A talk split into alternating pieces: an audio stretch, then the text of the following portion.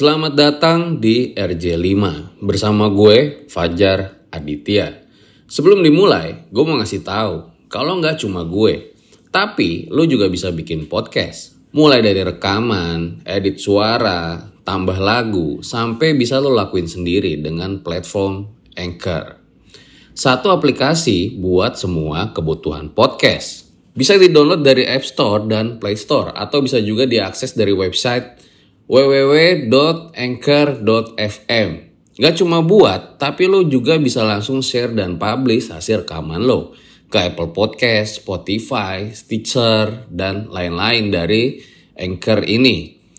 Yang paling penting, Anchor ini gratis. tangan gue tuh kayak ada yang megang tuh dingin banget dari bawah kolong tempat tidur tangannya yang megang jarinya tuh kayak keriput gue ngerasain jarinya keriput nggak halus gitu kayak kita terus kukunya panjang panjang banget. Di situ gue takut gue kenapa gue takut? Karena gue intip ke kaca gini kan ada tralisnya tuh gue intip begini itu namanya gayung melayang dari kamar mandi ke depan gue kelempar tuh gayung kayak suara gimana sih suara gayung? Bes- plastik ke tabrak sama teralis besi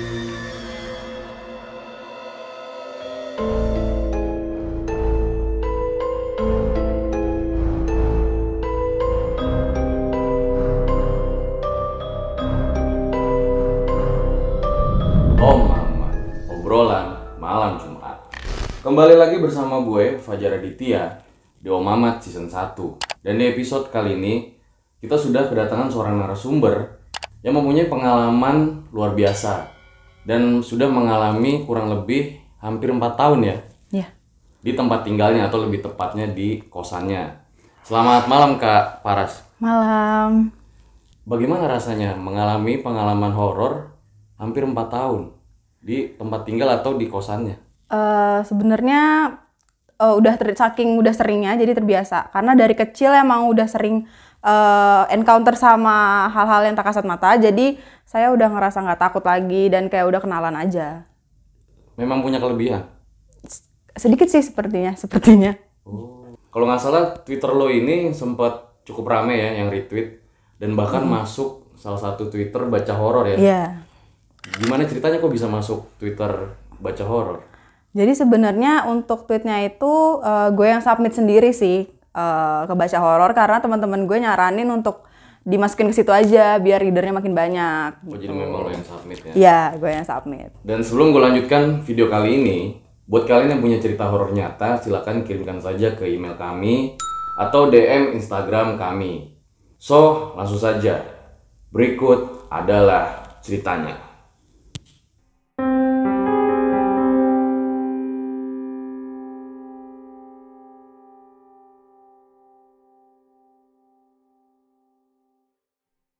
Saya itu mahasiswa di salah satu universitas di Depok dan saya itu em, daripada pulang pergi karena capek dan beban kuliah yang cukup eh, berat, jadi saya memutuskan buat ngekos.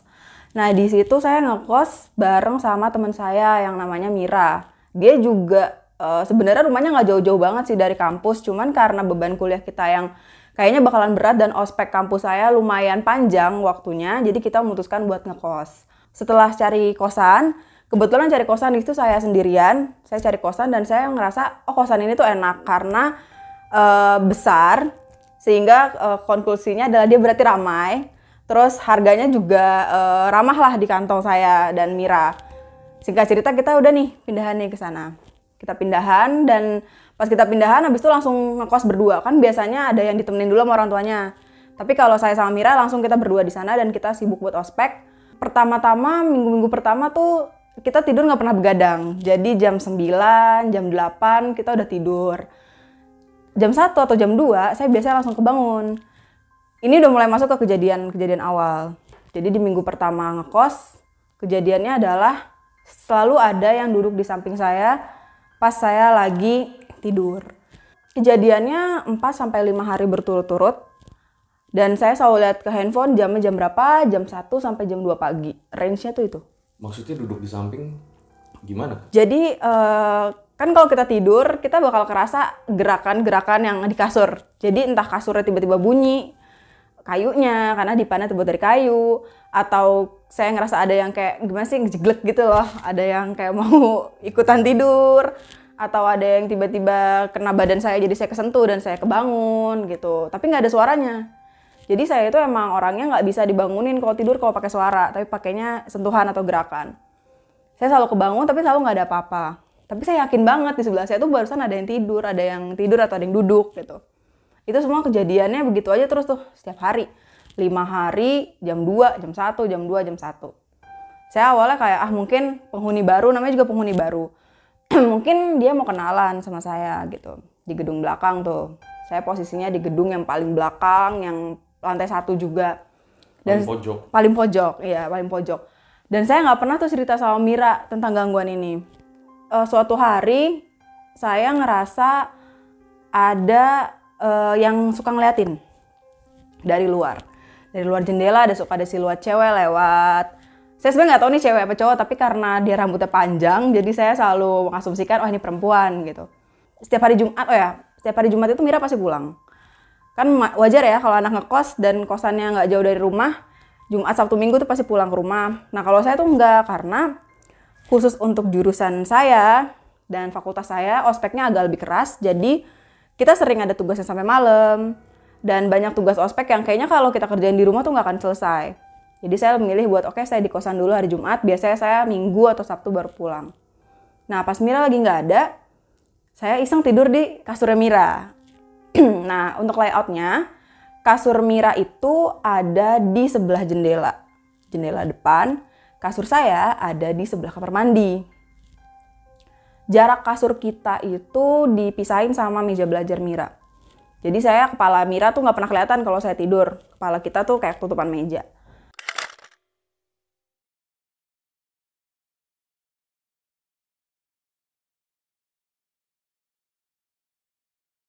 Akhirnya saya tidur di kasur Mira dan malam itu um, saya begadang, iseng saya begadang. Baru jam sekitar jam satuan apa, habis uh, main handphone kan ngadepnya ke jendela. Kipas tuh ada di belakang saya. Kipasnya tuh tiba-tiba bunyi. Bunyinya tuh kayak bunyi mau rontok, kayak bunyi mau hancur gitu, baling-balingnya kayak copot. kayak bunyi besi, beradu besi, bunyi kayak grrrr kayak gitu. Saya awalnya udah mikir, aduh kipas rusak nih, ganti nih kipas nih. Terus eh, nggak uh, lama ada suara bunyi yang lebih kenceng lagi di belakang saya, itu kayak ada besi, bola besi dimasukin ke dalam kaleng, terus kalengnya dikocok-kocok. Kayak bunyi ngomong ngomong ngomong ngomong ngomong kayak gitu. Kayak bunyi kayak gitu. Terus saya panik kan karena ya saya panik karena saya takutnya kipasnya meledak atau konslet. Itu kan logis aja gitu. Ternyata pas saya nengok ke belakang, lah kipasnya nggak kenapa-napa. Anginnya masih nyala gitu kan, masih muter-muter tuh kipas. Terus saya bingung ini apaan ya? Persis banget suara di belakang saya akhirnya saya ngadep ke jendela tuh saya agak-agak takut sih uh, sampai suatu ketika bunyi lagi tuh kerompang-kerompangnya pas saya nengok dia hilang bunyinya bunyi lagi kerompang-kerompangnya dan dia jatuh ke lantai jeduk gitu kayak bunyi kebanting ke lantai terus saya bingung ini apaan yang jatuh fix kipasnya hancur saya nengok lagi kipasnya masih berdiri dan masih apa ya beroperasi dengan normal gitu wah saya udah udah nggak tahu lagi mau gimana, saya takut. Saya langsung ngechat tuh di grup angkatan saya waktu itu. Waktu itu kita belum kenal satu sama lain. Jadi saya udah kayak udah bodo amat, gue kenal nggak kenal. Yang penting gue mau ngechat, gue mau minta tolong gitu. jam 2 pagi, itu jam setengah 2 pagi saya ngechat, e, ada yang masih bangun nggak gitu. Ada yang balas tuh salah satu teman saya. Sebut saya Doni ya, dia cowok. Saya nggak kenal sama dia, namanya juga baru masuk kampus gitu. Saya langsung telepon Doni. Saat itu juga, saya telepon saya bilang apa aja yang terjadi dan Doni ikutan panik. Lalu dia bilang saya untuk coba lihat di lantai mungkin ada yang jatuh ada apa yang jatuh. Saya sampai lihat kolong tempat tidur. Kolong tempat tidur saya kolong tempat tidur Mira kolong meja belajar. Dan itu tuh nggak ada apa-apa di lantainya bersih gitu nggak ada yang jatuh. Kipas angin saya masih muter aja tuh. Terus akhirnya katanya Doni ya udah deh ras tidur aja mungkin lu eh, lu disuruh tidur nggak boleh begadang. Pas saya mau tidur saya tidur lagi di kasurnya Mira. Terus saya ngadep ke jendela dan saya penasaran sama apa yang ada di belakang saya. Memang harusnya kita nggak usah penasaran deh kayaknya. Jadi saya lock handphone saya, terus saya jadiin spion gitu di samping badan saya. Saya ngelihat ke belakang ada apa ya di belakang saya? Dan ternyata di situ ada perempuan ada perempuan tapi mukanya doang. Pertama tuh dari bibirnya karena kan handphone itu layarnya terbatas. Jadi saya harus adjust sampai kelihatan semua mukanya. Bibirnya terus hidungnya matanya dan akhirnya saya bisa lihat semua mukanya. Jelas oh ada perempuan pucat uh, putih. Dia nggak senyum nggak ngapa-ngapain pokoknya mukanya datar aja. Ngeliatin saya. Dari ini lah pantulan layar handphone. Awalnya saya bingung kok dia bisa palanya ada di situ sedangkan saya tiduran di dipan yang kalau kita manusia berdiri paling sepinggang atau sepahanya orang. Berarti dia setinggi apa ya? Apa dia kerdil? Apa dia lagi jongkok? Apa lagi gimana? Saya nggak ngerti. Saya udah nggak kepikiran itu. Saya udah langsung aja saya tutup handphone saya tidur. Itu kejadian yang ekstrim yang pertama kali saya rasain di gedung belakang. Kayak gitu.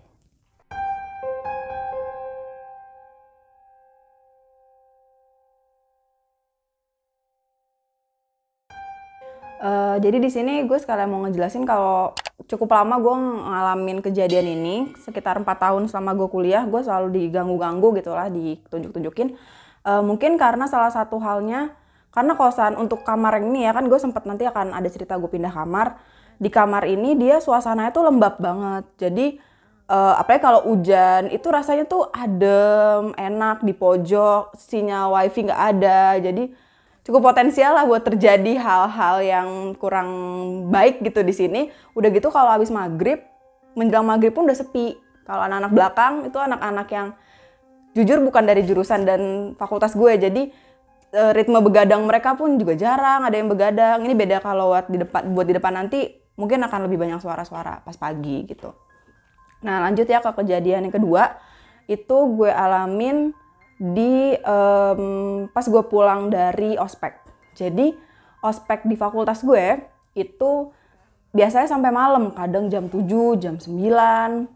Terus udah nih kelar nih uh, kegiatan jam 9, tapi kita masih ngelanjutin nugas ospek. Jadi ada ospek ada tugas-tugasnya. Itu lanjut tuh di tempat lain sampai jam 1, jam 2 baru pulang. Nah, pas uh, saya pulang, saya ngeliat banyak banget anak-anak di koridor koridor ke arah kamar. Itu ada tiga yang saya ingat itu ada tiga. Anak kecil seliweran lari-lari. Pakai baju biasa bukan bukan bangsa yang kalau kata orang tuyul gitu ya. Ini banyak banget anak-anak yang pakai ada yang celana pendek biasa celana kolor gitu. Lo lihat dengan jelas? Sosok. dengan jelas. Dia kadang ada yang lari ke sebelah gue sampai gue kayak eh minggir. Masa kayak meminggirkan diri karena mau mempersilahkan anak ini kejar-kejaran gitu. lari di sebelah iya. Lari di sebelah gue terus ya gue yang minggir. Gue takut ketubruk ntar dia nempel apa gue ketubruk ntar dia gue kesurupan apa gimana gue agak takut gitu. Karena gue yakin tuh bukan manusia. Jam 2 pagi anak siapa di kosan cewek gitu kan.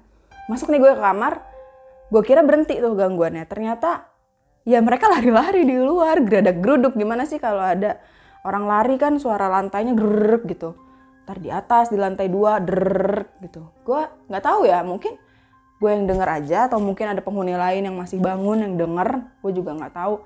Tapi gue jadi makin akrab sih sama mereka. Maksudnya bukan kenalan juga tapi kayak ya gue permisi permisi aja misi deh kalau lagi main gue lewat pulang misi deh misi deh gitu. Tapi teman kamar lu denger lihat? Gue nggak tahu sih karena gue nggak pernah uh, bikin percakapan tentang ini sama teman kamar gue. Gue jujur takut dianya Parno, ntar dia meninggalkan gue sendiri di kosan itu. Jadi gue kayak, udahlah mungkin gue aja nggak apa-apa gitu. Gue kira udah kelar, gue kira penghuninya cuma si mbak-mbak yang kemarin gangguin gue sama anak-anak ini. Ternyata nggak. Ternyata gue dikasih kesempatan untuk berkenalan dengan penghuni-penghuni lain, penghuni yang lebih awal. Ini ceritanya udah masuk semester 2 di mana kan gue tuh awalnya pengen banget pindah sama Mira ke gedung depan. Tapi nggak ada, kosong. Karena uh, ya wifi di gedung belakang jelek, jadi orang-orang pada fokus ke gedung depan dan mereka nggak pernah mau pindah-pindah ke gedung belakang gitu. Akhirnya ada nih satu poin di mana uh, si mbak-mbak kosan kepercayaan uh, yang punya kosan gue tuh bilang sama gue ngechat, Mbak Paras ini ya di depan ada yang kosong buat dua orang tapi di depan banget katanya gitu. Jadi punya akses balkon buat keluar. Wah gue udah nggak mikirin di depan banget kayak keberisikan kayak gue udah mikirnya gue butuh internet buat kuliah. Akhirnya gue uh, semacam kesepakatan lah sama Miramir mau nggak pindah ke depan? Ada kosong nih oke yuk pindah gitu. Gue pikir udah sampai situ aja gangguannya sampai sebatas gue pulang ada anak kecil gue tidur ada yang duduk atau kadang ada yang seliuran di belakang. Ternyata pas gue pindah ke depan kenalan lagi sama orang yang baru. Orang-orang bukan orang ya kenalan sama sesuatu yang baru.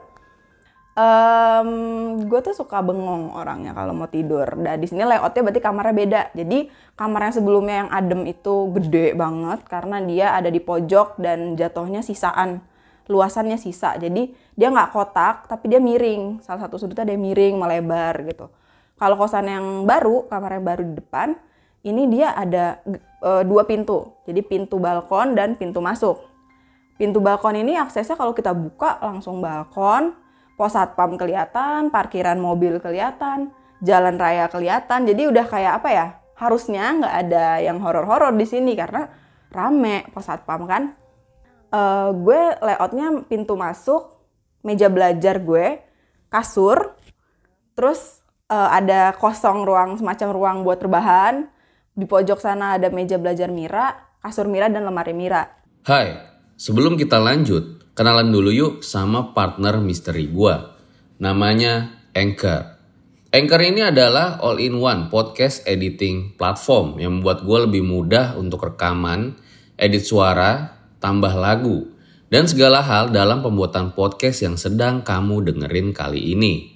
Anchor bisa membantu kamu bikin podcast kamu sendiri. Caranya tinggal download dari App Store dan Play Store atau bisa juga diakses di www.anchor.fm. Jadi buruan download Anchor sekarang. Sama lemari, oh ya di sini ada lemari gue juga yang tadi. Cukup gede. Nah, kalau gue tidur, pala gue tuh udah di atas di sini di jendela. Kakinya ini pintu. Uh, pintu kan atasnya suka ada ventilasi uh, yang ada kawat nyamuknya. Sebelah pintu gue tuh jendela, ada ventilasi kawat nyamuk juga. Suatu malam gue bengong tuh ke arah uh, pintu iseng aja ya namanya juga uh, lagi mau tidur kan berusaha tidur oh ya um, kebiasaan yang selalu gue bawa dari rumah sampai ke kosan adalah gue nggak pernah dan nggak dibolehin matiin lampu kamar mandi jadi dari zaman nenek gue sampai ibu gue semuanya kita tuh dididik jangan pernah matiin lampu kamar mandi karena kita nggak tahu tuh kamar mandi kan basah ya lembab banyak airnya itu tempat yang paling inilah buat jin-jin entah jin baik, jin jahat itu pasti ada di situ. Jadi setiap malam uh, lampu kamar gue matiin, tapi lampu kamar mandi nyala. Jadi pintu kamar mandi gue buka. Sehingga ada remang-remang lah. Cahayanya nggak gelap-gelap banget. Jadi ada tangan di ventilasi atas pintu. Pintu masuk ke kosan gue.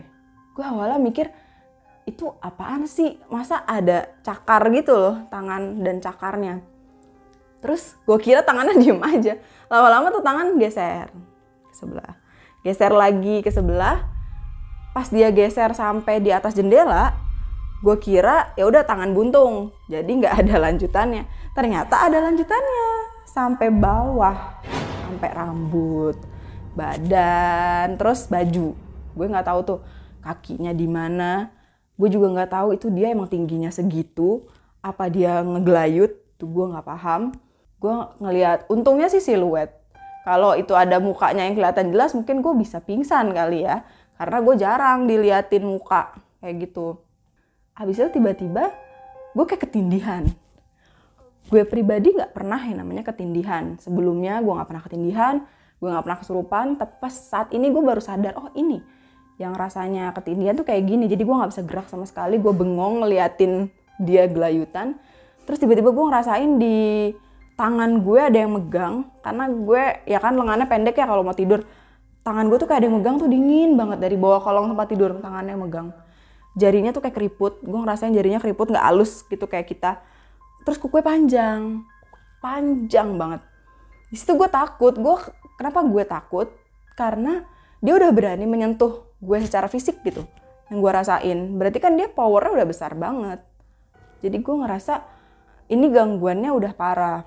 Gue coba baca-baca ayat kursi baca-baca apalah doa yang gue tahu gitu.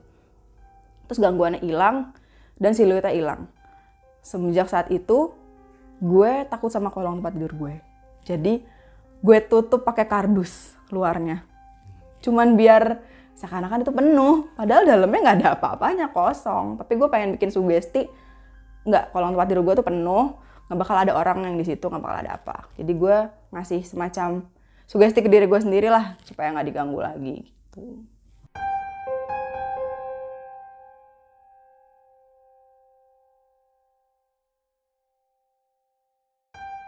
Uh, selanjutnya itu kejadian di semester gue lupa ini tiga atau empat pokoknya ada mata kuliah. Um, di sini ada penghuni baru. Jadi Mira uh, dia kan beda fakultas sama gue awalnya. Dia itu dan jarak dari kosan ke fakultas dia itu jauh dia harus naik ke transportasi lain lah. Jadi dia memutuskan buat pindah di semester 2 akhir tuh kalau nggak salah dia pindah dan diganti sama penghuni baru namanya Lisa. Uh, Lisa ini dia satu jurusan sama gue, satu fakultas lah. Jadi dia sering begadang sama kayak gue sering begadang. Kalau Mira kan enggak. Terus Lisa ini tugasnya banyak, sama lah pokoknya kayak gue uh, 11-12 kegiatannya. Nah, pas Mira masuk, eh Lisa masuk, gue kira kan kejadiannya baru satu ya, kejadiannya baru yang di ngegelayut di ventilasi gue kira udah. Ternyata gue dikenalin sama hal yang lain lagi. Jadi gue mulai ngerasa ada yang aneh sama balkon. Dari tadi kan kita keganggu sama pintu masuk. Sekarang gue keganggu sama balkon. Setiap mau maghrib kalau gue lagi nyapu mungkin salah gue juga sih gue nyapu mau maghrib. Tapi gue nggak tahu pamali pamalian gue nggak ngerti. Gue nyapu aja gitu pulang pulang kampus. Dan itu selalu ada yang lewat. Hitam bolak balik bolak balik gue bingung ini kalau penghuni kosan pun ngapain dia bolak balik di balkon gue gitu kan? Kan istilahnya tuh kayak uh, teritori gue kan kalau dia mau naruh jemuran juga kayaknya nggak mungkin deh dia naruh jemuran misalnya pakaian-pakaian yang cukup sensitif dan di luar situ pos satpam jalanan kayak nggak mungkin.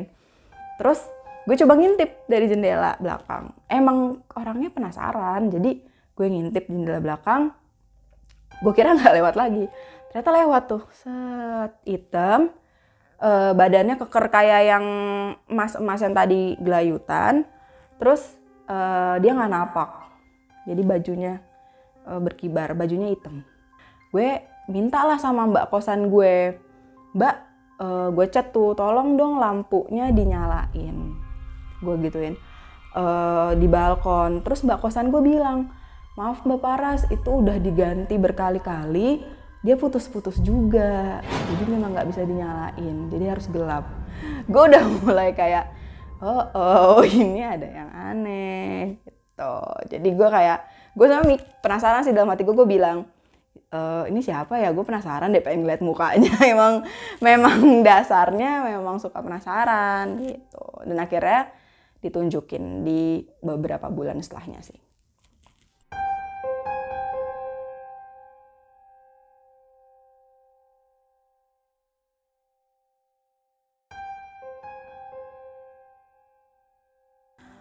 nah setelah kejadian di balkon itu kan sampai uh, saat itu ceritanya lagi belum kenal nih siapa uh, makhluk itu lebih jelasnya. Akhirnya uh, di situ kita udah mulai sibuk karena semester 3 atau 4 ya udah mulai masuk oh semester 3. Udah mulai masuk mata kuliah yang tadi saya udah bilang gambar konstruksi. Itu satu kelompok tiga orang, dua cewek, satu cowok kebetulan kelompok saya. Nah, yang cewek itu ngekosnya sama di kosan tersebut. Tapi dia di gedung belakang, yang gedung bareng sama saya dulu di lantai satunya. Jadi kita hampir sejajar lah kamarnya yang lama tuh.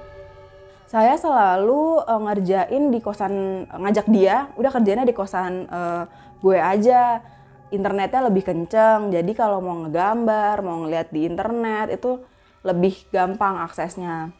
Cuman uh, ini kan kejadian tiap Selasa ya, karena hari Rabu kita harus ngumpulin tugas. Entah kenapa di satu hari itu saya iseng, uh, namanya kan sebetulnya Shiva. Uh, Shiva ngerjain di kamar lu aja yuk, gitu. Di bawah, oke okay, gitu. Kita ngerjain uh, di kamar Shiva. Kamar Shiva ini uh, satu orang doang kapasitasnya. Jadi dia lebih kecil, jauh lebih kecil dari kamar saya. Setengahnya mungkin, setengahnya bahkan kurang, kurang uh, lebih kecil lagi gitu. Uh, saat saya di kamar Shiva jam sekitar jam 1. Shiva nanya, e, Ras mau lihat progres minggu lalu dong, Tab, uh, di tabung lo. Gue mau, ini ada yang diperluin. Terus uh, gue tuh bilang, ya shift gue tinggalin di kamar gue di atas, gimana dong? Yaudah deh gue ambil dulu, karena gue mikirnya ya udah sih lo ambil aja jam satu doang gitu siapa tahu masih rame ternyata gue lupa kalau Shiva tuh udah di gedung belakang dan akses menuju ke kamar gue tuh cukup jauh petualangannya harus lewat koridor bawah baru naik ke tangga. Atau naik tangga dulu di deket kamar gue yang lama baru lewat koridor atas.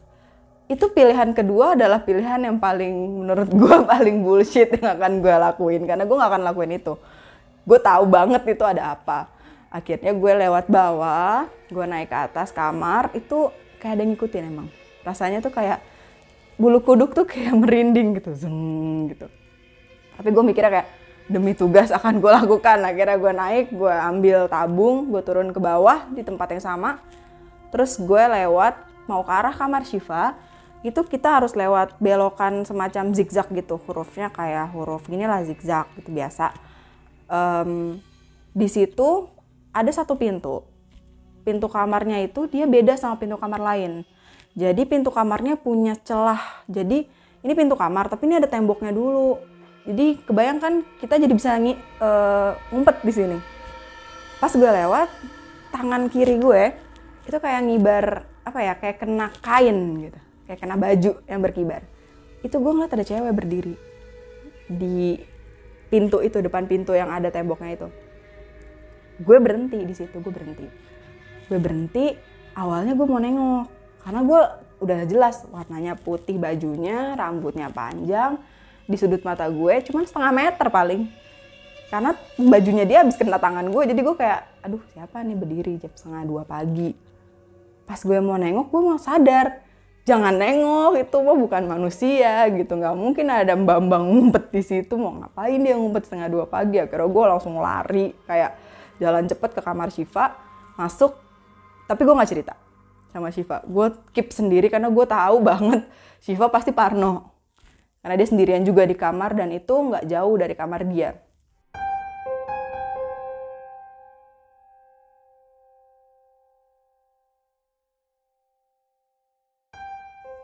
Hari itu kembali ke hari Selasa minggu depannya. Eh, eh dua minggu setelahnya um, gue mau ke kamar Shiva jam 11 malam. Gue rapi-rapi kamar dulu gue nyapu. Entah kenapa jam 11 malam gue malah nyapu gue buang, buang sampah. Sampah gue taruh di depan kamar. Terus pas gue mau nutup pintu kan wajar dong mata orang nutup pintu ngelihat ke sana gitu. Di sana tuh gue tahu banget itu ada kamar kosong karena uh, abis itu temen gue ada yang pindah ke situ.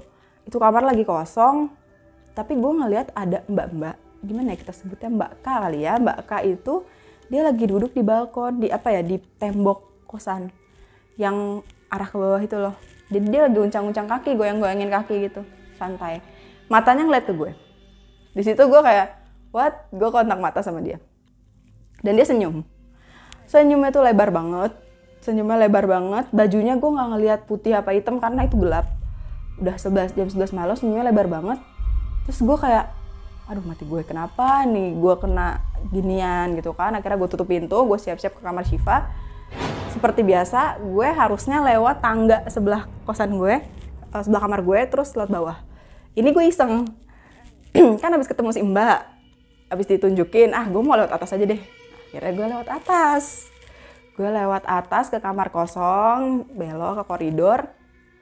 Nah di depan kamar kosongnya gue berhenti kan gue uh, kalau ke mana-mana gue bisa pakai headset tapi yang saat ini headsetnya tuh cuman gue pakai sebelah kanan. Sebelah kiri tuh kamar kan kamar-kamar sebelah kiri nggak gue pakai. Pas gue sampai di depan kamar uh, kosong itu gue ngerasa kayak lagi ada yang mandi. Jadi uh, lampunya nyala tapi lampu kamar mandi doang. Ada suara keran air, terus suara jebur-jebur kamar mandi gitu kayak orang pakai gayung gitu. Terus gue berhenti, mungkin ini termasuk kebodohan seorang mahasiswi kali ya. Gue berhenti dan gue ngintip. kepo. Kenapa gue kepo? Karena hordengnya tuh nggak dipasang. Jadi kalau di kosan gue kalau kamarnya kosong hordengnya nggak ada. Kalau ada udah di tag orang atau udah mau ada isinya itu biasanya hordengnya dipasangin sama mbak kosannya dirapiin segala macem. Habis itu gue intip ke kaca gini kan ada tralisnya tuh gue intip begini itu namanya gayung melayang. Dari kamar mandi ke depan gue kelempar tuh gayung kayak suara gimana sih suara gayung? Bes- plastik ke tabrak sama teralis besi. Kayak gelontang terus jatuh ke bawah. Prak gitu kan. Gue kaget dong tapi gue belum sempet lari belum sempet apa. Gue masih begini Eh, ada muka teng gitu nongol di belakang teralis ada muka mbak mbak yang tadi. Tapi gue ngeliatnya lebih jelas. Alhamdulillah tidak tidak ada darah tidak ada apa-apa dia hanya tersenyum dengan muka yang pucat pasi tapi tetap aja ya. Itu cuma beberapa senti dari muka saya. Saat itu gue beneran lari tunggang langgang itu yang definisi lari tunggang langgang tuh kayak gitu gue lari bodo amat.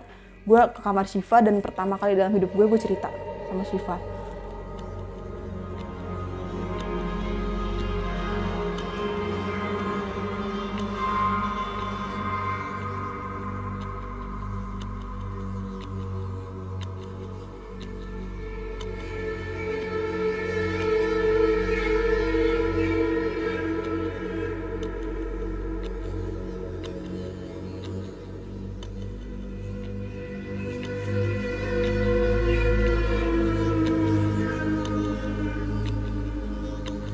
kalau orang sholat habis ruku terus eh, itidal terus sujud. Itu pasti lutut kita kena lantai kan bunyi jeduk gitu kan jeduk gitu. Nah jeduknya gue tuh nggak pernah sekali. Jeduk gue pasti dua kali. Jeduk ntar ada lagi. Jeduk gitu. Terus di dalam lemari itu ada yang narik. Gue bingung dong "Ih, siapa narik narik dari bawah? Gue asli kalau yang itu gue parno karena dia tarik tarikan sama gue itu ada kali semenit dua menit gue tarik tarikan sampai akhirnya gue kesel gue tarik satu hentakan. Jadi ini hanger gue pegang gue tarik gituin dan itu kelihatan ada tangan keluar kayak ketarik tangannya ketarik